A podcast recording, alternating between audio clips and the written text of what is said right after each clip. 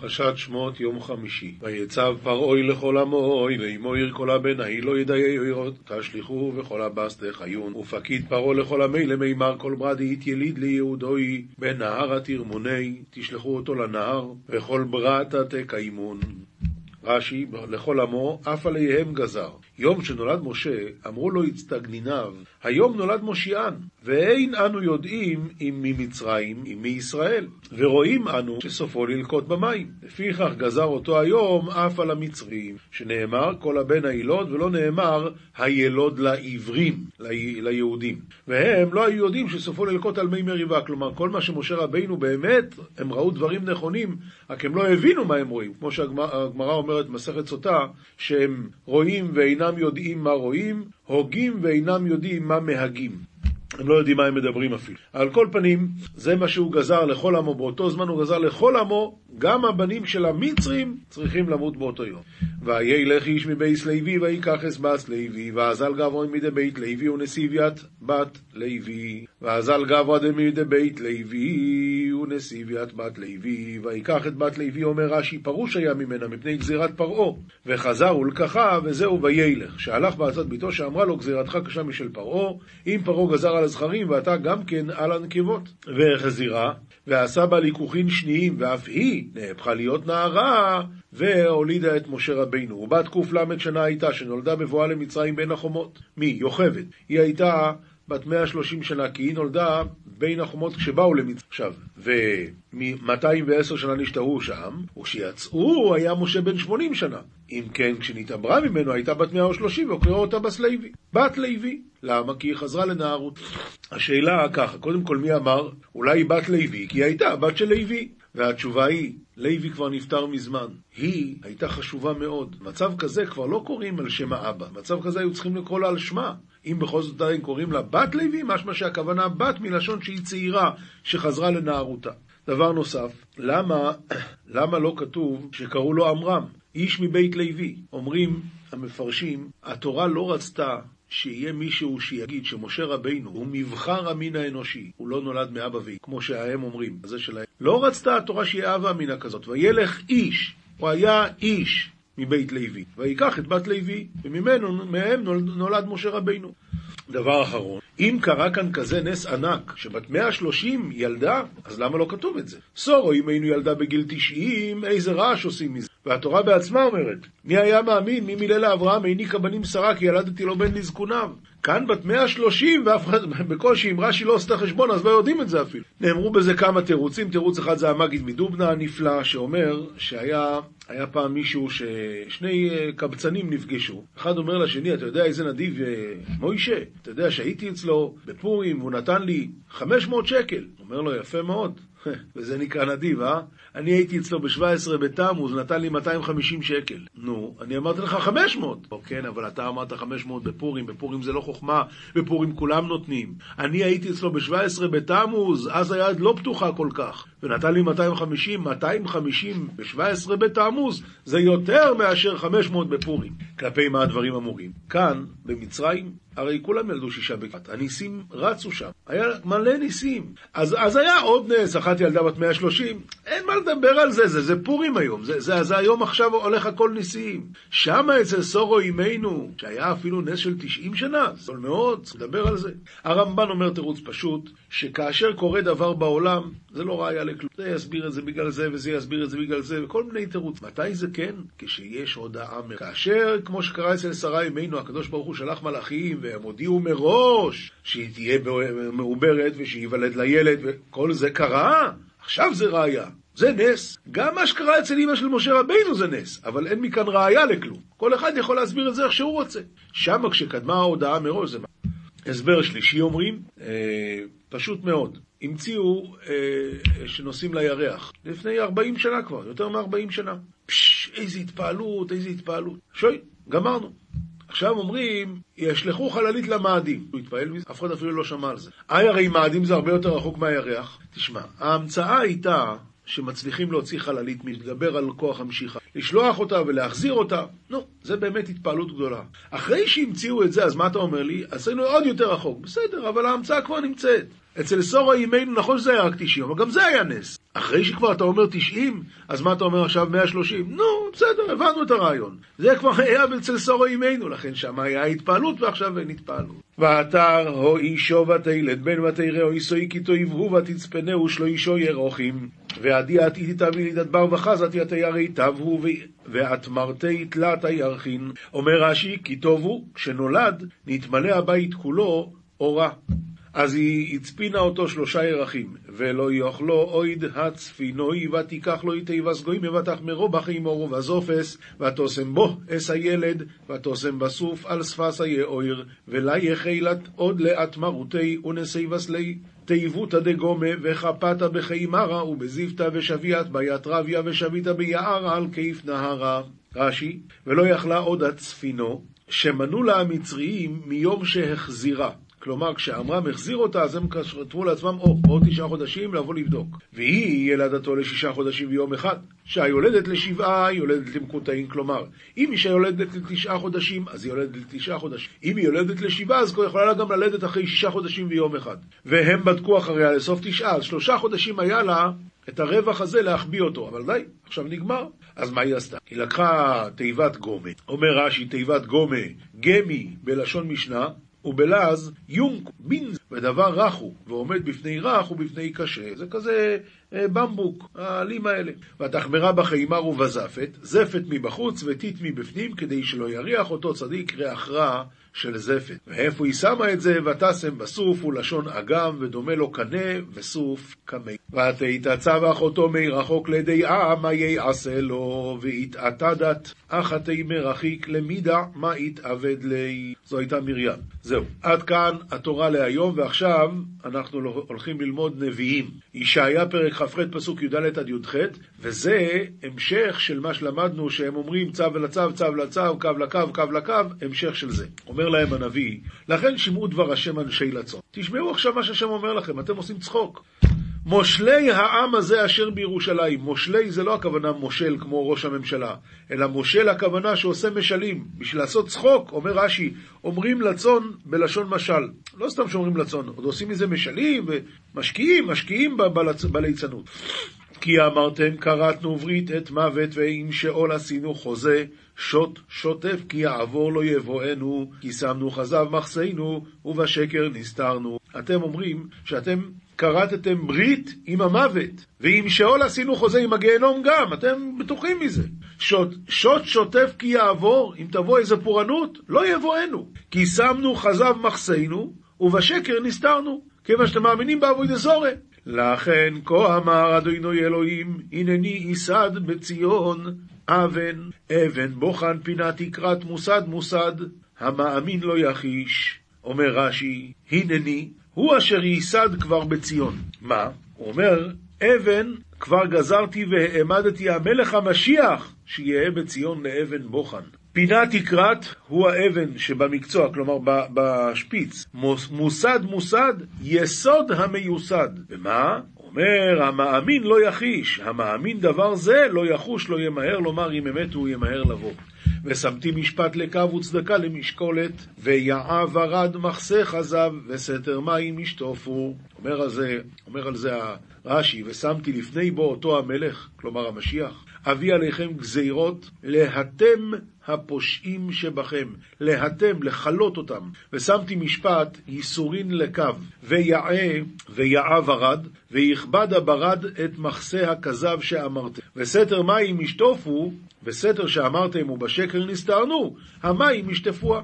כלומר, לפני בוא המשיח יהיה כאלה פורענויות וכאלה גזרות, שכל השקר והכזב האלה ילכו לאבדון. וכופר בריתכם את מוות. אז יתבטל הברית הזאת שכרתתם עם המוות, עם העבודה זרה, וחזותכם את שאול, לא תקום. החוזה שרקמתם עם השאול, לא יצא מזה כלום. שוט שוטף כי יעבור, והייתם לו למרמס, אז אתם תראו שזה לא עוזר לכם כל הדברים האלה, שום דבר. אנחנו עוברים לכתובים, משלי י"ב, ט"ו עד י"ט.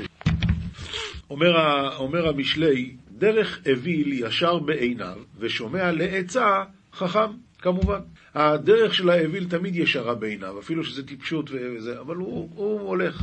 צד שני, מי ששומע לעצה הוא חכם. אוויל ביום יוודע כעסו, וחוסה קלון ערום. אומר רש"י, אוויל ביום יוודע כעסו, ביום שהוא כועס, בו ביום הודיע כעסו. כלומר, הוא לא מתאפק, הוא מתעצבן וישר, יורד. לעומת זאת, אבל הערום כוסה קלון ואינו ממהר לריב, ועל ידי זה הוא עושה דברים יותר נכונים. עוד דבר, אומר רש"י, הוא מדרש אגדה, ביום שנברא האדם הראשון נודע סורחנו, הרי הוא חטא באותו יום שהוא נברא.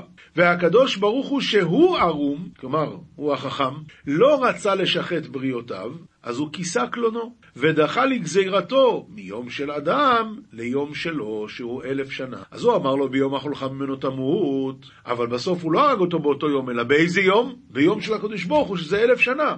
זה הפסוק מרמז. יפיח אמונה יגיד צדק, ועד שקרים מרמה. מי שמדבר אמונה, אומר רש"י, מגיד בדין עדות צדק לזכות הזכאי. אבל עד שקרים, מרמה. יש בוטה כמדקרות חרב, ולשון חכמים מרפא. יש לפעמים בן אדם שמדבר כמדקרות חרב, שהוא מסכסך את הבריות אחד עם השני, ולשון חכמים. מרפא, מדברים בעדינות, לא גורמים זוכים, חושבים על מה שמדברים, זה לשון, זה לשון חכמים. שפת אמת תיכון לעד, אדם שמדבר אמת, אז מה שהוא מדבר זה יישאר לעד, ועד הרגיעה לשון שקר. ועד הרגיעה, אם, אם הוא מדבר שקרים, אז ברגע זה קלה. ברגע זה נעלם. למעט רגע הוא קלה, למעט רגע הוא קלה, והולך שהשקר אין לו רגלה. זהו. יש בעניין הזה שפת אמת תיכון לעד ועד הרגיעה לשון שקר מלשון רגע, אז אומרים שאחד מלווה לשני כסף, הוא שואל אותו, נו, מתי תחזיר לי? אז אם הוא אומר לו, בכ"ג אדר א' תשע"ב, נו נו, אז כנראה שהוא מדבר אמת, הוא יודע שאז הוא יקבל כסף. אבל אם הוא אומר לו מחר, סימן שהוא... עוד רגע, סימן שהוא... ועד הרגיעה, לשון שקר. אם זה עוד רגע, זה כנראה... הוא לא יודע מתי, סתם אומר. משנה מסכת זבחים, פרק י"ג. התורה אוסרת עלינו לשחוט קודשים בחוץ, וגם כמובן להעלות אותם על מזבח בחוץ, הכוונה מחוץ לעזרה. השוחט והמעלה בחוץ, שוחט וגם העלה אותם על מזבח בחוץ, הדין הוא שחייב על השחיטה וחייב על העלייה, כלומר לזה שהוא העלה אותה, זה, כי זה שני דברים, אומר הרב, שהם שני גופי עבירה. דתרוויו כתיבי, אשר ישחט ואשר יעלה. אז זה שני סוגים של עבירות. רבי יוסי הגלילי אומר, שחט בפנים והעלה בחוץ, חייב. מה הדין אם הוא שחט בפנים, אז הוא עשה כמו שצריך. ואחרי זה הוא הוציא את זה החוצה והעלה על גבי המזבח, אז הוא חייב, חייב על זה. מה הדין אבל הפוך מזה? שחט בחוץ. נו, ומה קרה אחר כך? והעלה בחוץ. אז הוא פטור, שלא העלה בחוץ, אלא דבר פסול. אז הוא פטור על העלאה, הכוונה. למה? כי הוא העלה דבר פסול. מתי, מותר, מתי הוא, הוא חייב על העלאה דווקא אם הוא העלה דבר כשר לפי רבי יויסי? אבל אם לא, אז זה לא, וכיוון שהוא שחט את זה בחוץ, הוא כבר פסל את זה. אמרו לו, אף השוחט בפנים ומעלה בחוץ, כיוון שהוציאו פסלו. אם אתה הולך ככה, אז תשמע, אתה אומר שעל העלאה אפשר לקבל עונש רק אם הוא שחט בפנים, ואז הוא הוציא את זה החוץ. סלח לי. אם הוא שחט בפנים והעלה את זה החוץ, והוציא החוצה והעלה, אז בעצם ההוצאה של הבשר מהאזהרה החוצה, כבר הוא פסל אותו. אז שוב פעם הוא העלה דבר פסול. אז מתי התורה חייבה על העלאה? לכן חכמים חולקים וסוברים שגם העלאה וגם שחיטה, שניהם בחוץ, חייב פעמיים. משנה ב' טמא שאכל, בין קודש טמא ובין קודש טהור, הדין הוא שחייב. ממשיכים הלאה. רבי יויסי הגלילי אומר, טמא שאכל את הטהור, כלומר, אם האיש הוא טמא והבשר קודשים הוא טהור, אז הדין הוא שחייב, וטמא שאכל טמא, פטור. למה? כי הוא לא אכל דבר ראוי. שלא אכל אלא דבר טמא. אמרו לו, החכמים חולקים עליו ואומרים לו, טמא שאכל טהור, כיוון שנגע בו, טמאה הוא. אז זה, בגלל זה הביאו את זה פה, כי זה דומה למשנה הקודמת. הרי טמא שאכל טהור, איך הוא אכל אותו? עם הפה, אז שוב טימא אותו. אז מתי יקרה שטמא אכל טהור? תמיד זה טמא שאכל טמא. לכן, וטהור שאכל טמא פטור, שאינו חייב אלא על טומאת הגוף. קיצור, אז אה, הם, חול... אה, אה, בקיצור, הם, הם חולקים עליו, ורק הם מוסיפים את העניין הזה שטהור שאכל טמא, טהור שאכל בשר טמא, פטור. למה? שאינו חייב אלא על טומאת הגוף, על הטומאה של עצמו. אם הוא טהור, אז הוא לא חייב על זה שהוא אכל בשר טהור. מאיפה לומדים את זה? כתוב בפסוק, וטומאתו עליו ונכרתה, בטומאת הגוף הכתוב מדבר. אבל אם הוא לא היה טמא, רק הבשר היה טמא, אז הוא פטור. משנה ג' חומר בשחיטה מבעלייה. אמרנו שיש שני לאווים, אחד זה לשחוט בחוץ ואחד זה להעלות על גבי המזבח. אבל יש חומר בשחיטה מבעלייה, וגם חומר בעלייה מבשחיטה. חומר בשחיטה שהשוחט להדיוט חייב. השוחט להדיוט חייב, כלומר, אומר הרב, השוחט קודשים בחוץ לאכילת הדיוט, לא כדי להעלות על גבי המזבח. הוא רוצה לאכול את זה, אבל זה קודשים, אז הוא חייב. מה הדין המעלה להדיוט? מה זאת אומרת, הוא מעלה את זה על גבי המזבח לצורך אכילת הדיוט, אז הדין הוא המעלה להדיוט פטור. למה? אז אומר הרב, יש, יש על זה פסוקים. לגבי השחיטה כתוב, דם יחשב לאיש. וני מפה שאפילו אם הוא שוחט את זה בשביל איש. לעומת זאת, לגבי העלאה, מה כתוב? לעשות להשם.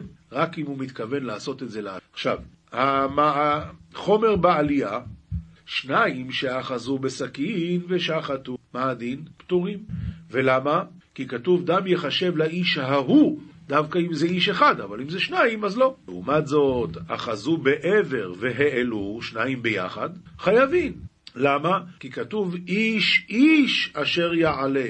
למדנו מפה גם אם זה שניים ביחד. העלה וחזר והעלה וחזר והעלה, חייב על כל עלייה ועלייה. דברי רבי שמעון. רבי יוסי אומר, אינו חייב אלא אחת, ואינו חייב עד שיעלה לראש... רבי שמעון אומר, אפילו העלה על הסלע או על האבן, חייב. אומר הרב, אם הוא העלה וחזר והעלה, מה הוא חזר והעלה? מאותה בהמה עצמה חייב על כל אחת ואחת. עד, לעומת זאת, זה דברי רבי שמעון. רבי יוסי אומר, אינו חייב אלא אחת, ואינו חייב עד שיעלה לראש המזבח. למה? הוא אומר, דכתיב, ויבן נוח מזבח להשם. רואים מפה שגם במת יחיד שהיא בחוץ, זה לא נקרא העלאה, אלא רק אם זה היה מזבח. ולרבי שמעון אומר, אפילו העלה על הסלע או על האבן, כי הוא אומר, כתוב בפסוק, וזרק הכהן את הדם על המזבח השם, פתח אוהל מועד, ולא מזבח בבמת יחיד. טוב, הלכה כרבי יויסי, משנה ד', אחד קודשים כשרים ואחד קודשים פסולים, שהיה פסולן בקודש והקריבן בחוץ, חייב.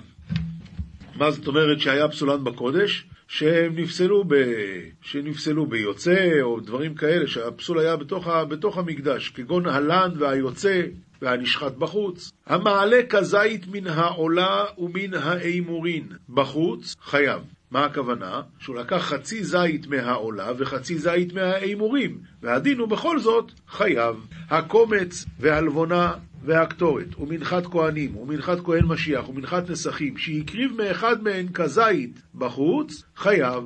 רבי אלעזר פוטר עד שיקריב את כולו. לא יעזור לך להקריב כזית, אתה צריך להקריב את כל הקורבן. וכולם שהקריבן בפנים, ושיער מהן כזית, ואת הכזית הזה הוא הקריב בחוץ, אז זה ודאי שחייב. וכולן שחסרו כלשהן והקריבן בחוץ, פטור, כי זה לא היה כשר בכלל. משנה ה' המקריב קודשים ואימוריהם בחוץ, הדין הוא שחייב. חייב על מה? חייב על ההימורים. ומה החידוש כאן? החידוש שלא, אנחנו לא יכולים להגיד שהבשר חוצץ בין המזבח שהוא עושה בחוץ, כן?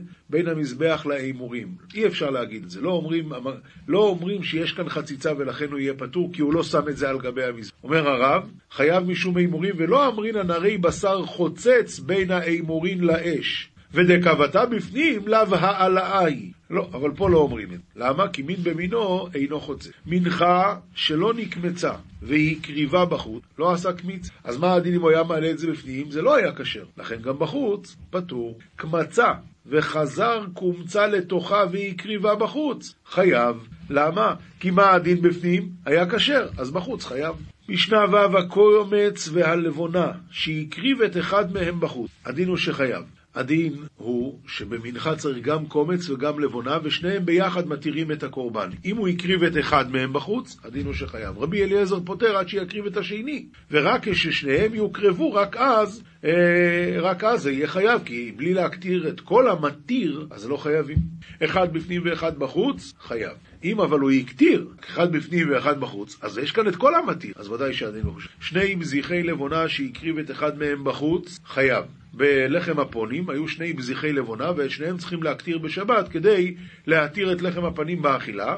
אז אם הוא הקריב אחד מהם בחוץ, הדין הוא שחייב, רבי אליעזר פוטר עד שיקריב את השני בפנים או בחוץ. מה הדין אחד בפנים ואחד בחוץ? אז גם כן חייב. הזורק מקצת דמים בחוץ. יש לו קורבן, והוא חלק מהאדם זרק בחוץ. הדין הוא שחייב. רבי אלעזר אומר, אף המנסח מי חג בחוץ, מי חג בחג בחוץ, חייב.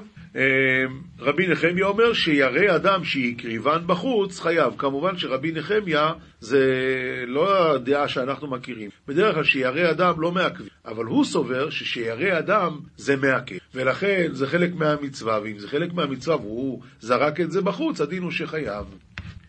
המולק את העוף והעלה בחוץ, חייב. המולק את העוף בפנים, אז הוא עשה כדין. ואז הוא הקריב את זה בחוץ, הדין הוא שחייב. מה הדין אם הוא מלק בחוץ? בחוץ למלוק זה, זה נבלה. אז הוא יוצא שהוא העלה על גבי המזבח בחוץ נבלה, ולכן הדין הוא, אם הוא העלה בחוץ, הוא פטור. השוחט את העוף בפנים, שוב פעם, זה לא טוב. והעלה בחוץ, פטור. אבל אם הוא שחט בחוץ והעלה בחוץ, אז הדין הוא שחייב. נמצא, דרך הכשרו מבפנים, פטורו מבחוץ. דרך הכשרו בחוץ, פטורו בפנים. רבי שמעון אומר, כל שחייבים עליו בחוץ, חייבים על כיוצא בו בפנים, שהעלה הוא בחוץ, חוץ משוחט בפנים, והמעלה בחוץ, שפטור. משנה ח' החטאת, שקיבל דמה בכוס אחד, ונתן בחוץ וחזר ונתן בפנים, בפנים וחזר ונתן בחוץ, הדין הוא שחייב, שכולו ראוי לבוא בפנים. כלומר, כל אדם ראוי לבוא בפנים, אז ממילא מה שהוא עשה עם זה הוא חייב. אבל אם קיבל דמה בשני כוסות, נתן שניהם בפנים, פטור, קיבל דמה בשני כוסות, אז אם הוא נתן את שניהם בפנים, הדין הוא שפטור, אבל אם שניהם בחוץ, הדין הוא שחייב. אחד בפנים ואחד בחוץ פטור, למה? כי כשהוא נתן בפנים הוא כבר עשה את המצווה, את הכוס השנייה כבר אין בזה מצווה, ממילא אם הוא העלה בחוץ הוא פטור. אחד בחוץ, כן. אה, כן, אחד בחוץ ואחד בפנים. קודם הוא עשה בחוץ ואחרי זה בפנים, אז חייב על החיצון, והפנימי גם כן מכפר. למה הדבר דומה? למפריש חטאתו ועבדה. והפריש אחרת תחתיה, ואחר כך נמצאת הראשונה מה עושים? הרי שתיהן עומדות, אם שחט את שתיהן בפנים, פטור. שחט שתיהן בחוץ, חייב על שתיהן. אחת בפנים ואחת בחוץ, פטור על החיצונית, כי הוא כבר יצא ידי חובה. אבל אם הוא עשה קודם את האחת בחוץ, ואחר כך את האחת בפנים, חייב על החיצונה, והפנימית מכפרת, כי הפנימית היא גם טובה. כשם שדמה פותרת בשרה, כך פותר את בשר כן. אומרת הגמרא, עכשיו אנחנו הולכים לגמרא מסכת זבחים, דף קי"ח עמוד ב', כי את הרב דימי עומר רבי, בשלושה מקומות שרתה שכינה על ישראל, בשילה, ונוב, וגבעון, ובית עול. זה שילה זה שילה, זה שם בשומרון, ונוב, ונוב וגבעון, ובית עולמים זה בית המקדש. ובכולן לא שרתה אלא בחלק בנימין, שנאמר חופף עליו כל היום, כל חפיפות לא יהיו אלא בחלקו של בנימין. בסדר? עכשיו, אומרת הגמרא, כי אזי לבעיה, אמרה כמה ידי רב יויסף. הוא אמר את השמועה הזאת לפני רב יויסף. עומר חד ברא אבלי לקייליל ולא מתקן. לאבא של אביי היה רק בן אחד, וגם הוא לא בסדר. למה לא? והכתיב, ויטוש משכן שילה, וכתיב וימאס באוהל יוסף, ובשבט אפרים לא בחר. אז איך אתה אומר כולם היו בבנימין? שילה היה אצל יוסף, לא אצל בנימין. אומר הוועדה, מהי קקשי עלי? דילמה שכינה בחלק בנימין, וסנהדרין גדולה בחלק יוסף. זאת אומרת, מה שכתוב, וימאס באוהל יוסף ובשבט אפרים לא בחר, הכוונה בגלל שהסנהדרין הגדולה היו שם בחלק של יוסף. השכינה היא באמת הייתה בחלק של בנימין. מאיפה אני יודע את זה? מדמצינו בבית עולמים דשכינה בחלקו של בנימין. וסנהדרין בחלק יהודה, הרי גם בבית המקדש זה היה ככה, שיהודה ובנימין התחלקו בבית המקדש. אז אותו הדבר אולי גם היה בבנימין ויוסף. אמרי, אחי אשתא, הטעם איפה? בירושלים, בבית עולמי, מקרוון, נחלות, גם ביד עדי. האחה, מקרוון. נחלת בנימין ונחלת יוסף זה בכלל לא אחד ליד השני? אומרת הגמרא, הכנה ממקרוון. כן, גם פה זה קרוב, כי דאמר רב חמא בר חנינא, רצועה הייתה יוצאת מחלקו של יהודה ונכנסת לחלקו של בנימין, ובה היה מזבח בנוי, והיה בנימין הצדיק מסתער עליה לבולעה. ההכנה מאותו הדבר, רצועה הייתה יוצאת מחלקו של יוסף לחלקו של בנימין, והיינו דכתיב טענת שילה. מה זה טענת שילה? אומר רש"י, על שהיה בנימין מתאונן עליה. למה? למה הוא לא קיבל יותר מזה. עכשיו, אז אמרנו חופף עליו כל היום, מה זה חופף עליו? שהחתיכה הזאת שיוצאת. אומרת הגמרא, מה זה כל היום? זה מקדש שני. ובי כתפיו שכן, אלו ימות המשיח. תמיד המקדש יהיה באותו המקום, ותמיד בנימין יהיה מצטער. רוצה את הכל בשביל עצמו. רבי אומר, חופף עליו זה העולם הזה. כל היום אלו ימות המשיח, ובי כתפיו שכן, זה העולם הבא. זוהר, פרשת שמות, דף כ עמוד ב. ומשה היה רואה את צאן יתרו, חותנו, כהן מדיין, רבי חייא פתח ואמר, מזמור לדוד, עינוי רועי לא יחסר. כלומר, השם רועי, השם הרועה שלי, מה רועה? מנהיג את הצאן, ומוליכם למרעה טוב, למרעה שמן במקום נחלי מים, מיישר הליכתן בצדק ובמשפט, אף הקדוש ברוך הוא, כתיב בנאות אש ירביץ עיני, על ממנוחות ינעלני נפשי ישווה. אומר רבי יויס, דרך הרועה לנהוג בצדקת, להרחיקם מן הגזל, להנהיגם במישור, והשבט בידו שלא יטו ימין ושמאל. כך הקדוש ברוך הוא רואה את ישראל להנהיגם במישור, ובכל עת השבט בידו שלא יטו ימין. דבר אחר ומשה היה רואה. אמר רבי יויסי, תדע לך שכל זמן שהרועה חכם לנהל את צונו, הוא מוכן לקבל עול מלכות שמיים. מי? הצאן.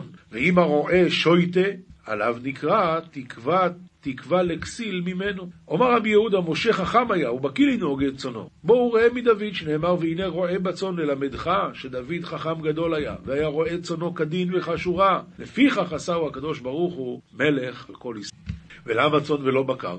עומר רבי יהודה, ישראל נקראים צאן, שנאמר, ואתם צאני, צאן מרעיתי, אדם אתם. וכתיב, כצאן קודשים, כצאן ירושלים. מה הצאן כשיקרבו על המזבח, בשבילם זוכה לחיי העולם. ככה מנהיג לישראל, כדין וכשורה, גם זוכה לחיי העולם. ועוד הרואה את הצאן כשהצאן יולדות, הרואה נוטל אותם טלאים בחיקו, כדי שלא ילאו ויגעו, ומוליכם אחרי אמותם ומרחם עליהם. כך המנהיג לישראל, צריך להנהילם ברחמים ולא באכזריות. וכן אמר משה, כי תאמר אלי שאהו בחיקך וגוימר. עוד דבר אומר הזוהר, מה רואה את הצאן כשהוא רואה טוב, מציל את הצאן מן הזאבים ומן האריות. ככה מנהיג לישראל, אם הוא טוב, צילן מן אומות של מטה, של מעלה, ומדריכן לחיי העולם הבא. כך משה רואה נאמן היה, וראה הקדוש ברוך הוא שכדאי הוא לראות את ישראל. באותו הדין ממש היה רואה את הצאן. לכסבים כפי הראוי להם, והנקבות כפי הראוי להם. לפיכך כתיבו, משה היה רואה את צאן חותנו,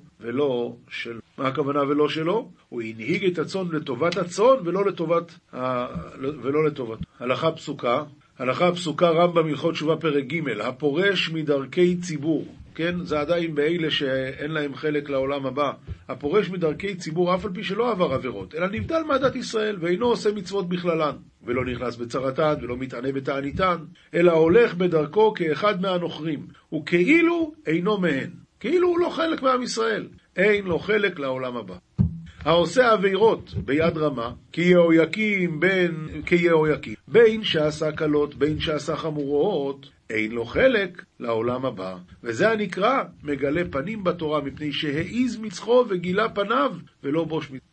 עכשיו, גם המויסרים, הדין הוא שאין להם חלק לעולם הבא, והרב אומר, הרמב"ם אומר, שניים הם המוסרים. המוסר חברו ביד נוכרים להורגו או, להכות, והמוסר ממון חברו ביד נוכרים או ביד אנס, שהוא כנוכרי. ושניהם אין להם חלק לעולם הבא.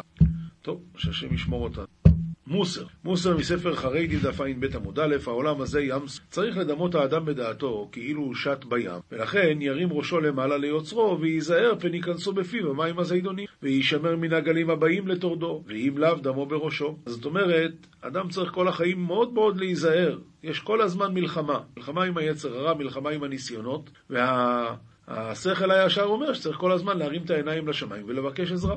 בן אדם, סוכת שלום פרוס על ראשך וביתך בכל עוז ותוקף, והלכת בדרכיו. דכתיב עושה שלום עמו. ופרשו בזוהר מדכתיב עושה ולא עשה, שתמיד עושה. לכן גם אתה תמיד תעשה שלום כמותו. הלשון חרב חדה לאנשי המלחמה הצדקים, נלחמים בה נגד יצרם הרע וחייליו. הרשעים נגד יצרם הטוב וחייליו. כל אחד את הכוחות שלו רותם, אבל הכיוון שבעיניו הוא הכיוון הנכון. כתיב, שעפים שנאתי ותורתך אהבתי, וכתיב אשרי תמימי דרך ההולכים בתורת השם, וכתיב אשליך להשם יאהבך.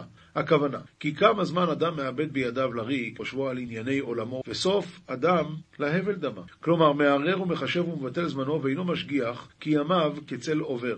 ובעוד שהוא מחשב ומהרהר, יעשה חבילות של תורה ומצוות לה. ועתיה מקללה, רב השלום הוא יסוד המעלה, יקוץ מתרדמתו לתקן אשר עיוות, יסוד